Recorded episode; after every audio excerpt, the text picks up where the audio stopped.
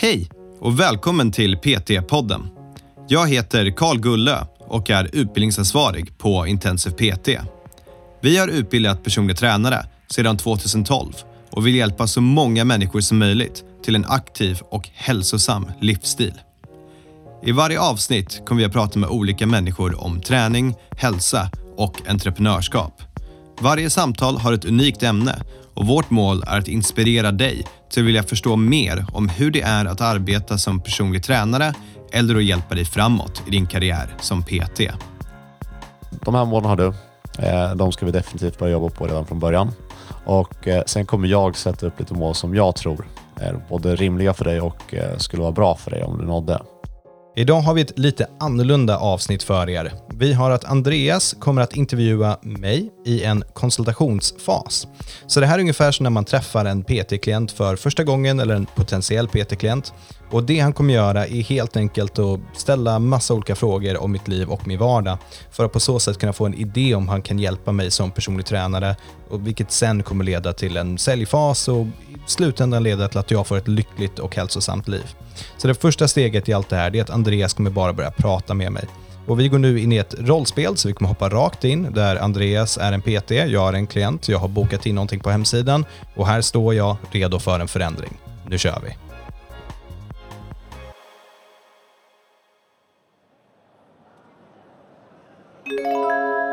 Så varmt välkommen hit. Tack så mycket. Andreas heter jag. Karl heter jag. Idag så ska ju du och jag göra en liten konsultation som det kallas för. Har du varit på sådana här förut? Eh, nej. Eh, Det vi kommer göra i korta drag är att du och jag kommer sitta och prata. Så jag kommer samla in så mycket information som möjligt om dig. För att sen så ska jag göra ett träningsupplägg och ett kostupplägg åt dig. Så att det här ska bli så bra som möjligt. Så vi kommer spendera ungefär en halvtimme på det här. Okej. Så det första steget i det här, för att mjuka upp lite grann, så ska vi prata om lite vad du jobbar med. Så hur ser dina arbetsdagar ut? Eh, Jag har ganska stillasittande arbete. Eh, jag sitter vid skrivbordet typ åtta timmar per dag, någonting sånt. Eh, går lite promenader då och då. Jag har två hundar hemma, så det blir att det tvingas ändå gå ut, men inte jättemycket. Eh, det blir en promenad på morgonen och sen någon på kvällen, men det brukar bara bli en kvart, för det finns inte jättemycket tid för det. Ehm, men det är ganska stillasittande, lite träning då och då, men jag skulle nog vilja ha lite mer tid för träning tror jag också. Okej, och i ditt jobb upplever du att det är eh, väldigt eh, mycket stress? Eh, Ja, stundtals, då och då är det mycket stress. Eh, ibland har man lite lugnare perioder och han- ibland har man perioder som är lite mer stressiga. Och det här, du, du nämner att du sitter ner väldigt mycket. Är det någonting som du eh, har känningar någonstans eller, eller upplever du att det är ett problem att du sitter? Alltså, ibland får jag lite ont i typ ja, i knäna. Ehm, men inte... Ja, ibland är det lite ont i knäna. Och du har inte råkat ha ett höj och sägbart eh, skrivbord? Eh, nej, jag jobbar hemifrån nu eh, med corona och allting, så då har man inte samma arbetsmöjligheter riktigt som man hade tidigare. Eh, jag hade ett höj och sänkbart skrivbord på jobbet, men jag får inte plats med det hemma för jag bor ganska litet. Okej. Så, bryt. Som ni hör nu så gör vi en konstellation. Så att vi tänkte gå igenom eh, steg för steg hur den här konstellationen är uppbyggd. Och jag då, Andreas, intervjuar Karl. Eh, ska vi se hur illa det är med hans träning egentligen. Eh, så brukar jag göra, brukar vara väldigt snabbt hälsa personen välkommen. Eh, presentera mig för att ofta så har man kanske inte haft någon personlig kontakt med dem tidigare. Eh, visar in dem till koncentrationsrummet och låter dem sätta sig ner. Och eh, Jag brukar alltid börja med att fråga någonting i stil med att ja, har du tränat personlig tränare förut eller har du varit på konstation förut? Så att jag vet att är, kommer det här vara helt nytt för dem eller är det någonting som de har sett förut? Eh, de flesta har inte eh, varit med om konstation förut så då brukar jag berätta okej vi ska bara göra det här, det här, det här. Och det kommer inte ta speciellt lång tid och det är simpelt. Eh, har du någonting att tillägga på det här Karl? Nej, ehm, man kan kallprata mer än vad du gjorde i början, om man vill. Eh, bara för att mjuka upp personer och prata och säga hej och Ja. lite sånt, om man vill. För mig är det här jobb, för att det är ganska simpelt. Om man börjar prata om deras mål med träning och sådär, det, är- det är mer komplext. Så att jobb, alla kan prata om sitt jobb. Och eh, det kommer låta ungefär likadant eh, för alla. De är väl hyfsat nöjda med sina jobb. Och Det, de upplever att det ibland är stressigt. Det, det, det, det är ungefär samma person om och om igen på jobb. Eh, så första punkten här när det kommer till kommunikationen är att eh, försöka hitta några följdfrågor. Och det kan vara allt från eh, ja, har du känningar som jag då nämnde eller att om det är stressigt eller känner du dig väldigt understimulerad på ditt jobb. Någonting för att det låter och känns mer som att eh, vi redan från start har börjat engagera oss i den här klienten. Så hitta lite följdfrågor, försök få personen att prata. Det är, det är nyckelordet här. Eh, så när vi, när vi fortsätter den här konstellationen så kommer vi försöka ställa vad som kallas för öppna frågor. Så att vi vill inte ha ja eller nej svar, utan ju mer personen pratar, desto mer ammunition får vi, desto mer information får vi. Så, vi fortsätter. Eh, så Karl, eh, innan du kom hit, vad har du gjort för träning tidigare? Ehm, jag har tränat lite perioder i hela mitt liv tror jag. Gjorde idrott när jag var yngre liksom och sen så slutade jag träna ett tag uh, borta vid ja, du vet, universitetstiden, då gjorde man ju annat. och sen så kände jag att kroppen var rätt sliten efter det, så då började jag träna igen. Så då har jag gått till gymmet, ja, kanske no, två, tre gånger i veckan. Ibland har jag varit jätteduktig och gått flera gånger och så har jag försökt springa en del också. Okej, okay. och hur, hur, tycker du att det har funkat hittills? Det känns lite ostrukturerat. Um, framförallt som att jag, jag vet ju vad jag ska göra och jag gör det väldigt bra under vissa perioder. Men sen så händer det alltså någonting och så blir det att jag inte får till träningen längre. Att det, ja, det, det, det blir en avvikelse och då försvinner hela, hela rutinen. Men hur, hur långt blir de här uppehållen då skulle du säga? Alltså det är olika, men det, jag skulle tro kanske att jag tränar en månad, sen kanske två månaders uppehåll, någonting sånt. Okej. Okay. Det, det, du beskriver är jättevanligt. Och det är väl en av de största anledningarna till att yrket personlig tränare finns. För det är så otroligt svårt att hålla den här motivationen att även när det kommer saker som, som bryter dina rutiner, att upprätthålla träningen då är supersvårt. Men det här är ingenting som du behöver oroa dig för, för att eh, det här är mitt jobb. Det här är sånt som jag gör. Jag kommer se till att du tränar. Okej. Okay. Bryt igen. Där har vi en väldigt kort och snabb eh, bakgrund och det Karl beskriver här är väl eh, också ganska standard skulle jag säga. Det är det vanligaste som man hör tror jag. Ja. Någon periodare person som kommer fram och tillbaka och inte riktigt vet vad det är som är fel, men någonting är uppenbart fel. Ja. Och det här, eh, ja, ni känner säkert igen det här i egen träning också. Nu kanske det inte är så långa uppehåll som Karl beskriver här, men att när man är taggad på träning, då går det superbra. Då vill man gärna köra flera pass om dagen om man skulle ha möjlighet till det. Och sen ibland så vill man inte ta sig till gymmet överhuvudtaget. Man vill man inte se de här löparskorna, utan man vill bara hålla dem uppe vid hållen. Eh, så här brukar jag bara bekräfta vad klienten säger, att ja, det, du är inte ensam om det här, det är ju så här det ser ut. Jag brukar också redan här prata som att eh, personen kommer börja träna med mig och konsultationen används ju som ett säljmöte.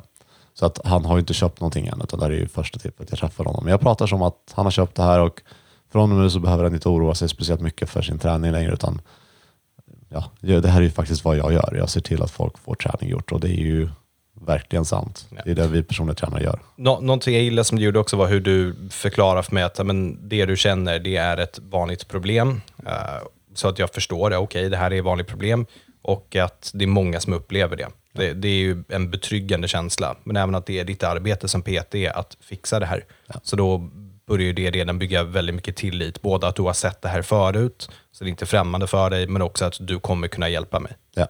Ja, det jag säger där är att det är precis det här jag gör för andra. Ja. Det är precis det här jag hjälper med. Eh, så, och den kan också vara ganska kort. Det behöver inte vara speciellt mycket. Eh, en del klienter har väldigt ingående, de har spelat fotboll och berättar om hur, hur de var nära att spela på elitnivå men sen skadade de sitt knä. Andra pratar bara om, nej men ibland så springer jag lite grann. Och någon gång har jag testat gym men det var lite läskigt. Eh, så, men håll den ganska kort där också. I nästa steg så kommer vi till en som vi brukar hamna lite längre på. Och vi fortsätter här. Så Karl, har du eh, några skador antingen nu eller eh, bakåt i tiden? Ja, jag, jag stukar foten regelbundet. Uh, typ en gång per år stukar jag foten. Det började när jag var yngre och sen så bara fortsätter den stukas en gång per år. Är det några speciella sammanhang som den stukas i? Ofta när jag är ute och går, men Alltså, första gången jag stod rejält, då var det ett, en olycka. Det var att jag trillade och eh, jag skulle hoppa över ett staket och så pangade foten på det. Eh, men sen dess så är det bara att, jag vet inte, ibland säger de att ledbanden är, det är någonting med det. Men det, det. Ja, okej, så kan det vara. Eh, men det är, liksom, det är någonting som gör att när jag är ute och går i skogen, är jag alltid orolig för att stuka foten. Och det är när du går i skogen du menar? Du, du stukar inte av att gå på rak väg? Nej, eh, utan det är när det är ojämn yta. Eh, Jag testade att ha barfota skor ett tag, det funkar ganska bra. Men sen slutade det med det och jag vet inte varför. Och när du säger det funkade ganska bra, hur menar du att du inte stukade foten just då? Eller? Ja, precis. Under den perioden kände för jag, jag, vet inte, jag känner mig stabil. Jag, jag känner mig mer säker att gå ut i skogen. Jag var inte lika orolig Du för känner ju underlaget på ett annat sätt. Du vet ju var du sätter foten. Ja. Okej, eh, stuka foten, har du något mer? Jag har lite dålig rörlighet i, eh, alltså i axlarna, tror jag. Um, Är det här ett problem? Det gör ont? Har du smärta? nej, nej, det tycker jag inte. Det, det var någon som sa det till mig någon gång. Okej.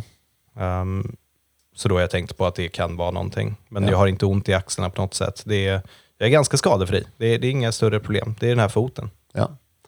Okej, ja, du har klarat det väldigt bra i sådana fall. Ehm, och det, här- det här är också vanligt. Alla människor har skador. Ehm, vi håller inte hur länge som helst. Och att du bara har fot, det ska du vara glad för. Och foten, när det kommer till den, det, det här är vanligt. Och du vet ju också att när man väl har stukat foten en gång så är det väldigt mycket lättare att göra det igen. Eh, vi kommer sätta in en hel del åt, åtgärder för att eh, fixa det här, för att eh, motverka att det kommer hända i framtiden och jag tror att vi kommer i alla fall minimera risken för att det händer. Och sen har vi också tendenser att, eh, att skada oss löpande, att saker kan dyka upp. Och jag kommer kolla igenom hela din kropp och se, ja, har vi några riskområden som vi behöver jobba på? Vi kommer inte bara fixa dina skador, vi kommer förebygga dina skador. Eh, Så att eh, närmaste tiden framöver så kommer vi lägga lite extra fokus på just fot och, kolla rörlighet och så. Okej, det hade varit väldigt skönt att kunna alltså, gå ut och springa i skogen igen. Det hade varit superkul. Det är ett mål vi har. Så, bryt där. Eh, skador brukar vi få en hel del på. Det är få personer som har så få skador som Karl har. Ehm, och det brukar vara både tennisarmbågar och axlar och knän och ländryggar och allt vad det nu är för någonting. Sitt och lyssna. Och eh, om du har någonting vettigt att säga, återkoppla. Eh, viktigt här också att man eh, bekräftar att ja, det där är inte alls ovanligt. Det här ser jag, hälften av mina klienter har problem med ländrygg. Och eh, de åtgärder vi sätter in kommer hjälpa väldigt, väldigt mycket. Eh, så att vi liksom sätter, jag klienter lite trygg i att det finns hopp för det här. För ofta så brukar det kännas ganska meningslös. Jag tycker om att springa, jag vill springa i skogen men jag vet att jag har så stor risk att jag stukar mig fot. Så att, och det, det är ju inga problem för oss PT att stärka upp muskulatur och jobba rörlighet och så där. Eh, så att det finns saker vi kan göra på alla de här områdena. Och är det någonting mer allvarligt än så, eller någonting nyligen att eh, vi har precis fått ont i ryggen efter att ha gjort det här eller det här och det här, så kanske vi skickar, ursäkta, skickar vidare. Eh, men eh, det, det mesta kan vi faktiskt testa oss fram till grann som PT. Eh, så vi fortsätter.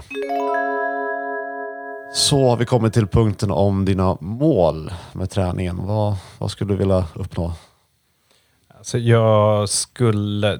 Den är, jag vet faktiskt inte. Jag har nog inte tänkt på det så jättemycket. Okej, du, och du har inget så här, du, du nämnde lite grann att du vill komma igång med löpningen. Jo, jo det är sant. Det, det skulle jag vilja göra. Eh, alltså det, det skulle vara kul att känna att jag kunde gå och springa i skogen utan att vara rädd för att alltså, göra illa mig eller vara tvungen att ringa någon om hjälp när jag gjort det. Det, det hade varit väldigt roligt. Och du har inga konkreta mål, du har inget, inga tankar på att springa något lopp eller göra någon eh, hinderbana eller någonting sånt här. Alltså det, jag har ju sett folk göra det här obstacle course någonting och det ser ju riktigt coolt ut. Jag, jag har inte vågat det, men det, ja, det, ser, det ser ju riktigt ballt ut. Och eh, när det kommer till styrketräning, vi har inte pratat så mycket styrketräning redan, men eh, någonting där. Alltså jag, jag har ju sett folk göra, mm, det, det heter såna här chin-ups eller pull-ups eller någonting sånt. Och det klarar jag inte att göra än, vilket jag inte förstår. Eh, men jag ser andra människor göra. Och där skulle jag vilja kunna göra en sån. Det hade faktiskt varit ganska coolt. Okej, bryt. Nu vet jag inte om Karl antingen inte kan göra pull-ups nu eller om han bröt sin karaktär och helt plötsligt blev någon annan person. För hit- hittills har det bara varit Karl. Det har, nej, okej, fortsätt. Ja, nu vet jag inte längre. Eh, så eh, på den här punkten så det brukar vara svårt att få rent konkreta mål från personer. Och man brukar få fiska en stund. Men just sådana här saker som ja, men bänkpress, knäböj, marklyft kommer ofta från killar. Eh, brukar också finnas någon typ av konditionsrelaterat om man vill springa midnattsloppet eller någonting, något lopp. Och då får man liksom fiska lite grann fram och tillbaka här för att få det så konkret som möjligt. Ett annat mål som man hör ofta är jag vill må bättre. Och den är också svår att göra någonting med, den är så abstrakt. Eh, så det jag gör här egentligen är att jag, eh, jag lyssnar på de här målen, jag skriver ner med de här målen och sen så avslutar jag den när jag tycker att nu har personen fått prata, jag har fått ut så mycket konkret som jag kan få. Så brukar jag säga, okej, okay, de här målen har du, eh, de ska vi definitivt börja jobba på redan från början.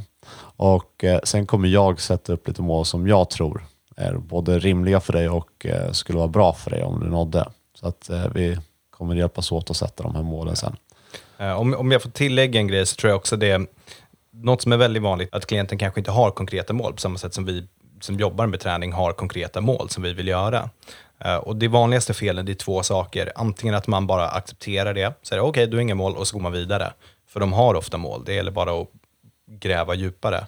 Och sen nummer två blir att man gräver för djupt, att man inte släpper personen om de in, verkligen inte kan komma på mål, om man har pratat om det mer och de för det, det, är ett annorlunda sätt att tänka. Om de verkligen inte kommer fram till någonting och spenderar tio minuter på att stå och tjata om det istället, kan få personen sen att känna sig lite, ja, lite hopplösa istället. Så gräv, men våga gå vidare också sen. Det här gäller alla punkter. Att, eh, om, om du kommer till någonting som klienten inte vill prata om eller har någonting att säga om, så då går vi vidare. För att den här konstellationen kommer ta lång tid ändå.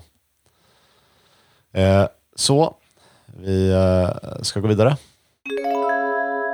Vi ska prata lite snabbt bara om kost. Skulle du kunna beskriva hur en, en helt vanlig dag skulle kunna se ut för dig, hur du äter? Okej, det här är inte svårt för nu kan jag gå till Karl. Um, jag uh, brukar gå upp så har jag ganska bråttom. Uh, jag äter oftast inte frukost, även om jag är uh, alltså, även om jag känner mig hungrig så äter jag inte frukost. Men jag tar en kopp kaffe. Um, lite senare så äter jag lunch mellan typ ja, någon gång på eftermiddagen. 12 till 3, någonting sånt. Det varierar väldigt mycket. Uh, särskilt nu när man jobbar hemifrån så är det allting så extremt ostrukturerat så man vet inte riktigt vad, alltså tiden bara försvinner. Och hur, hur ser den här lunchen ut? Vad skulle det kunna vara? Um, alltså ofta typ uh, pasta med, uh, jag vet inte, uh, köttfärs. Alltså det, det är väldigt ofta olika. Det kan vara mackor till exempel. Det är definitivt, jag, jag, vet ju hur man ska äta, men jag äter inte så. Är det här mat som du ofta lagar själv eller äter du ute? Det är, lunch skulle jag säga att jag ofta äter själv. Till middag så brukar det vara mycket hämtmat. Då är det liksom thaien eller pizzerian eller någonting sånt. Det, det, är ungefär så som jag brukar äta. Det, ja, som sagt, jag vet nog att jag ska äta mer grönsaker och sånt, men, men jag, jag gör, ja, det, det, blir så stressigt så då blir det bara att få i sig mat lite snabbt. Ja, och fortsätt. Hur ser det ut efter lunch? Uh, då om jag blir...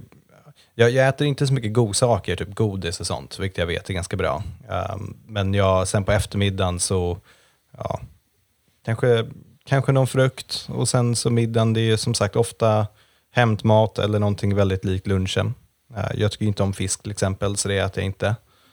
Um, ja, jag, jag tror det är ungefär det jag kan om min mat. Okej, okay, så det är två mål och kanske någon typ av eh, mellanmål? Ja, det skulle jag säga är... Och, vad... och, sen, och ibland kan det gå längre som jag inte äter och att jag glömmer bort. Och vad dricker du till det här? Vad dricker du under dagarna? Uh, ganska mycket kaffe. Okay. Uh, men jag dricker också vatten. Så jag dricker i alla fall en och en halv liter vatten varje dag. Okej. Okay. Och har du koll på ungefär hur mycket får i dig kilokalorier? Hur en dag ser ut? Uh, nej, jag har ingen aning. Okay. Hur mycket protein du äter per dag, vet du det? Nej. nej. Skulle du säga att du äter bra, så som du ser på bra? Vissa dagar äter jag bra och andra dagar äter jag inte bra tror jag. Okej, okay. och majoriteten skulle gå åt? Det skulle nog kanske inte vara så jättebra tror jag. Och eh, skulle du vilja laga mer mat själv? Skulle du vilja få upp rutiner? Hur skulle det se ut om du skulle förbättra din kost? Um, jag, alltså jag tror, jag skulle behöva att, Jag vet inte riktigt vad man ska äta och när man ska äta det. Så jag skulle ju behöva de här rutinerna som du nämner för kost. Ett kostschema, mer eller mindre. Ja, ja kanske. Det skulle kunna vara någonting för att se hur jag, ja, så att jag inte behöver tänka på vad jag ska äta. Ja. För det är ofta det jag tycker är svårt att bestämma mig i, i, alltså i stunden, typ när jag står där och har lunch och så har det gått en timme så måste jag gå tillbaka och jobba snabbt. Eh, och inte veta vad jag ska laga och sen kanske man tänker så har man inte den maten hemma till exempel. Ja. Det du beskriver här är också ganska vanligt. Ehm, vi har kanske lite för många val. Man vet inte exakt vad som är bäst, vad som passar. Och eh, vi vill ju ofta slippa tänka också. Så att ha ett upplägg att följa är en, en bra sak. Och du och jag kommer ju ha ett, ett kostupplägg eh, som du ska följa, som vi kommer jobba fram tillsammans med råvaror som du tycker om och tider som passar dig. Eh, Så fram tills vi ses nästa gång, som kommer vara nästa vecka, så kommer jag vilja att du fyller i en kostdagbok. Och då fyller du i vad du äter, hur mycket och när du äter. Och ju mer detaljerad du kan göra den här, desto bättre kommer mitt kostupplägg kunna bli åt dig. Och sen då kommer vi sätta oss ner och titta på vad nästa kostupplägg kommer bli. Låter det okej? Eh, Hur mycket ska man äta på en dag? då? Det kommer vi eh, komma fram till. Jag vet inte just nu. Okej. Så bryter vi där. Eh, kosten, de flesta är, äter betydligt sämre än vad Karl gör. Eh, de, eh, ibland äter de en måltid, ibland äter de fem måltider. Ibland Jag åt de... ju två, det är ju katastrof. Ja, det behöver det inte vara. Ja okej, men det är min, de två måltiderna jag har i mitt huvud är katastrof. Ja, okej. Men Då skulle du sagt det också. Nej men jag tänker inte ge det allt. Jag är en Nej, jag vet. jobbig Fol- Folk är inte ärliga med det här. Eh, Men just kosten så brukar de flesta vara medvetna om att det finns saker att jobba på där. Ibland äter de 1000 kalorier, ibland äter de 5000 kalorier. Och de äter för lite grönsaker som Karl också nämnde. Och de, den är inte varierad. De, man har liksom sina fem recept som man äter och sen så har man sina två restauranger som man har samma tre rätter på de två restaurangerna som man alternerar mellan. Så här vet de flesta och eh, är öppna för att ta emot hjälp. Eh, Och Kostavboken tycker jag är en ganska bra grej. Att bara börja prata om hur man ska förändra saker är, är inte speciellt smart. Eh, Utan vi samlar in informationen först och sen så ja, går vi igenom det här tillsammans med klienten vid nästa tillfälle. Ja, nå- något du gjorde bra där är jag försökte beta ut lite information. Hur mycket ska man äta och sen som det kan leda till att få lite eh, tips. Men du vet ju inte det förrän du vet exakt hur jag äter på papper. Nej, och då ja. bara säga nej men vi kollar på det sen och då skriver kostdagboken. Ja. De här koncentrationerna så ska vi ju ge egentligen så mycket som möjligt utan att ge någonting konkret. För det ska ju inte vara så att det, det är samma som på skadebiten till exempel, att vi, vi ska fixa din tennisarmbåge. Och då börjar de alltid fråga, men vilka övningar ska jag göra då? Eller så någonting som jag ska undvika. Så, jag kommer visa dig exakt allting sånt, så du behöver inte oroa dig. Så skjut upp det här till senare tillfälle. Det här är ju fortfarande bara absolut första halvtimmen till en timme som ni pratar med dem. Och ni, ni ska inte ge dem svaren på allting här, utan vi måste ju kolla saker först. Ja, Redo vidare? absolut. Så, Karl, eh, vi börjar närma oss slutet på den här konversationen. Är det någonting som, eh, som du känner att vi har missat? Eller någonting som du känner att du behöver berätta för mig? Är det Medicinering, allergier, det kan precis vad som helst. Har vi, har vi inte pratat om någonting som du behöver ta upp? Eh, nej, det vet nog du bättre än jag om det är någonting jag inte har berättat om. Ja.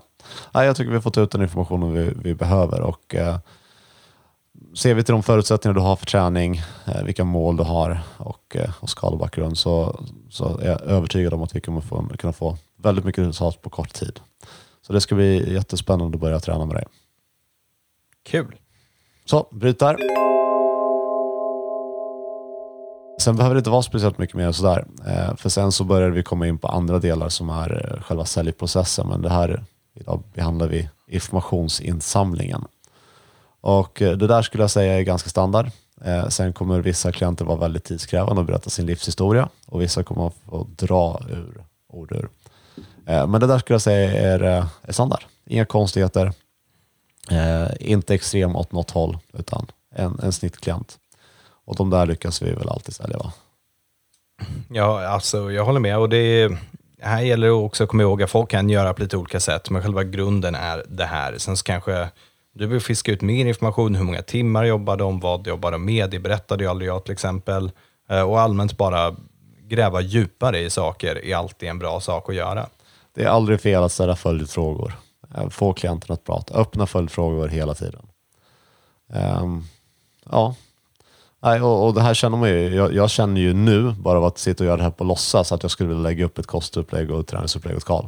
Ja, jag kan säga, jag förvånansvärt nog efter att gå in i den här rollen känner mig lite, alltså, Lite vilsen nästan. lite, lite exposed. Det känns som att jag har gett ut hela mitt liv och mitt hjärta till dig och jag är väldigt beroende nu liksom av att, jag, jag vet inte Att vad jag jag ska tar tag i göra. det här nu. Ja, Ja, precis. precis. Du måste lösa det. Och jag går bara in i rollen. Ja. Jag känner också, och det här är skådespel, men jag känner att ja, jag måste ju faktiskt hjälpa Karl nu. Han är, ju, han är helt hjälplös utan mig. Ja, jag blir lite emotionell här halvvägs igenom och känner shit vad jobbigt det var att ta tag i allt det här. Ja. Eh, och alltså gnuttor sanning i det mesta av Ja, allt ja. detta. ja, jag känner också. Det blev, det blev väldigt mycket mer äkta än jag trodde. Ja, ja men kul. Ja, hörni, jag hoppas att det här hjälper er för att kunna göra konstellationen. Och som sagt, det finns massa olika sätt att göra på. Så har ni hört någon annan göra på något annat sätt, det är inte så att det ena utesluter det andra. Men ni ska ställa mycket frågor och lära er mer. Det är det det handlar om. Ja. Och följer ni den här mallen, då vet vi att det kommer gå bra. För det har många personer gjort för oss och det går bra för de flesta. Ja. Och vi avslutar med att eh, önska Karl all lycka med sin träning och kost. Ja, nu jävlar tar vi tag i det här. Ha det bra alla. Hej!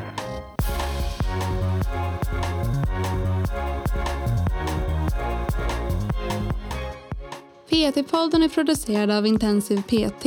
Om du vill veta mer om våra utbildningar och gå med i nätverket av framtidens personliga tränare, gå in på www.intensivpt.se. Vi har kursstarter varje månad och du kan studera helt i ditt egna tempo.